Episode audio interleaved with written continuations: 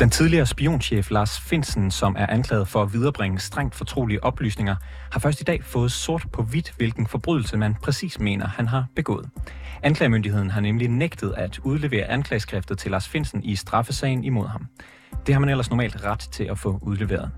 Men sagen den skal holdes så hemmelig, mener anklagemyndigheden, at den mand, som man anklager for alvorlige forbrydelser, ikke må få indsigt i sin egen sag. I dag har Højesteret så afgjort, at Lars Finsen skal have udleveret anklageskriftet. Men hvad er det, anklagemyndigheden er så bange for? Det har jeg inviteret journalist på Politiken, Morten Skjoldager, i studiet for at blive klogere på. Du lytter til reporterne, og mit navn det er August Stenbrun.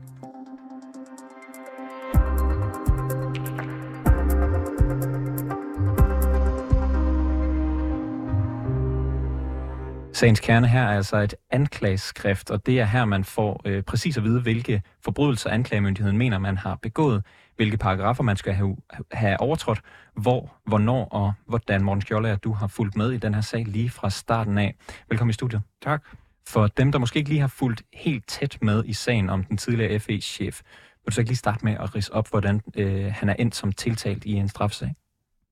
Oh, det er jo en lang historie, men, øh, men hvis jeg skal prøve at gøre det kort, så handler det jo om, at Lars Finsen øh, blev hjemsendt i en helt anden forbindelse som øh, chef for Forsvarets efterretningstjeneste, mens nogle anklager fra et tilsyn blev undersøgt. Og i forbindelse med, at han var hjemsendt, blev han, øh, blev han overvåget af PET, den anden efterretningstjeneste i Danmark, som øh, aflyttede og overvågede ham meget intenst i løbet af mange, mange måneder, fordi de havde mistanke om, at han lækkede statshemmeligheder, altså dybt fortrolige oplysninger, som han kendte til fra sin tid som chef for Forsvarets efterretningstjeneste.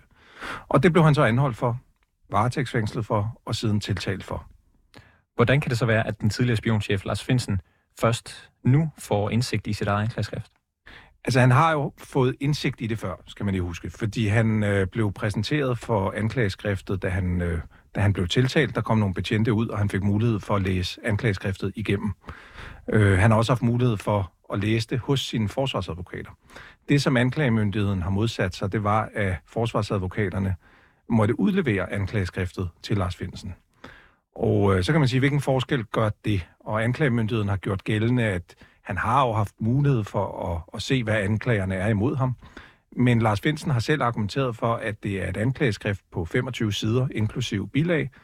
Og øh, hvis han har haft lyst til at læse i det, mens han har forberedt sig til den retssag, der snart kommer mod ham, så har han skulle booke en tid hos sine forsvarsadvokater, hvor han under overvågning og mod betaling, forsvarsadvokater er ikke gratis i det her land, øh, har skulle læse det.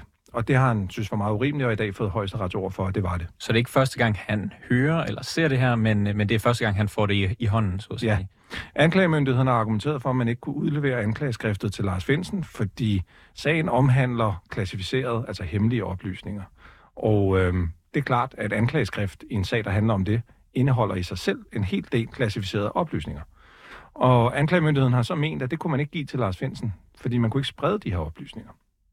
Altså, og, og det har de så ikke fået medhold i øh, i højesteret. Er det lovligt at hvad kan man sige, fraholde en øh, anklaget tiltalt person et anklageskrift? Lovligt og lovligt. Det står meget, meget klart i retsplejeloven og i de forarbejder, der er til den paragraf i retsplejeloven, at en tiltalt i en straffesag altid har en ubetinget ret til at få udleveret anklageskriftet i sagen mod ham. Og hvad er det for en risiko, øh, an, anklagemyndigheden mener, de øh, vil øh, hvad kan man sige, sætte, sætte i gang, hvis, hvis de udleverede det til ham? Anklagemyndigheden mener jo, at det her handler om at beskytte nogle oplysninger, som, øh, som skal beskyttes, fordi det er meget skadeligt for Danmarks sikkerhed og forholdet til andre magter, hvis de kommer ud. Og man mener så til synligheden, at øh, ved at give øh, anklageskriftet til Lars Finsen, risikerer man, at de slipper ud på den måde. Og det kan man jo så, det, det, det står ikke direkte i de kendelser, vi har fået, men det kan man jo så spekulere i, hvordan kunne det så ske? Det kunne jo ske på to måder, enten fordi man ikke stoler på Lars Finsen og tror, at han vil rende ud og lægge, hvad der står i anklageskriftet, eller ved, at dokumenterne kunne blive stjålet fra ham. Og har anklagemyndigheden givet, hvad kan man sige, nogen begrundelse for, hvad, hvad, hvad det er? Altså, er det, hvad er de mest bange for? Det første eller det sidste af det, du nævner? Det begrunder de ikke direkte, men altså, de, de, øh, de har argumenteret over for højesteret med, at Lars Finsen, som jo har været chef for to efterretningstjenester og departementschef, ikke længere er sikkerhedsgodkendt. Og han er ikke sikkerhedsgodkendt til at, at modtage oplysninger, der er hemmelighedsstemplet. Og han heller ikke har nogen betryggende forhold i sin privatbolig, hvor han vil kunne opbevare den slags dokumenter.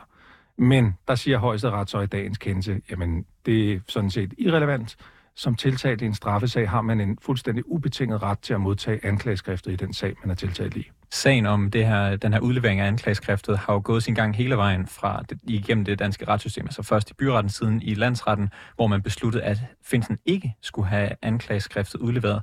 Hvordan begrunder man den beslutning?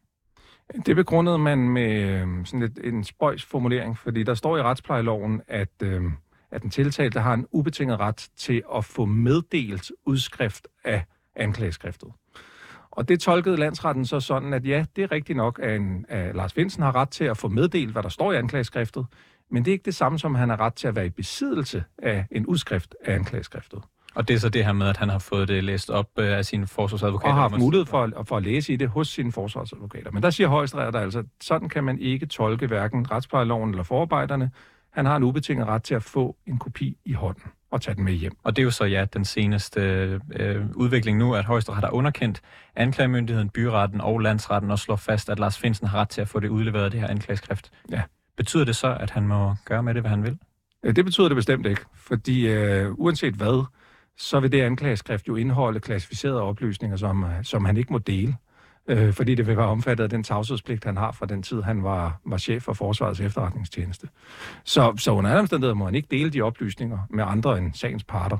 Og hvad betyder det, at han ikke må dele det? Altså kan han straffes, hvad, og hvad, hvad, hvad kigger vi på i så fald af straf? Altså vil han jo kunne retsforfølges igen for at bryde sin tavshedspligt, øh, præcis som det, han er tiltalt for nu. Normalt er det jo sådan, at journalister kan få indsigt i anklageskrifter, men i sagen mod Lars Finsen, der har pressen heller ikke kunne få nogen indsigt.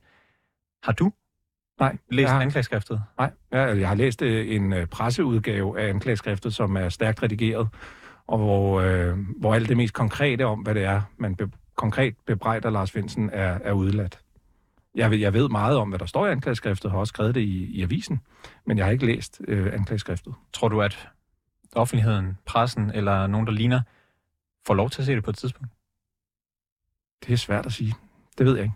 Det er svært at spekulere i. Det vil, jeg, vil, jeg vil håbe som journalist, at der kommer mere åbenhed om, hvad det egentlig er, den her sag handler om. Morten Skjold er journalist på Politiken. Tak fordi du var med i programmet. Selv tak. Det skal siges, at straffesagen mod Lars Finsen starter i ved retten i Lyngby den 30. oktober. Det var alt for reporterne i denne omgang. Tak fordi du lyttede med. Har du noget, som vi skal undersøge, eller ris eller ros til redaktionen, så kan du altid skrive til os på reporternesnabelag247.dk. Udsendelsen i dag var tilrettelagt af Maja Linde Urban Kucci. Milørsted er redaktør, og mit navn det er August Stenbrun.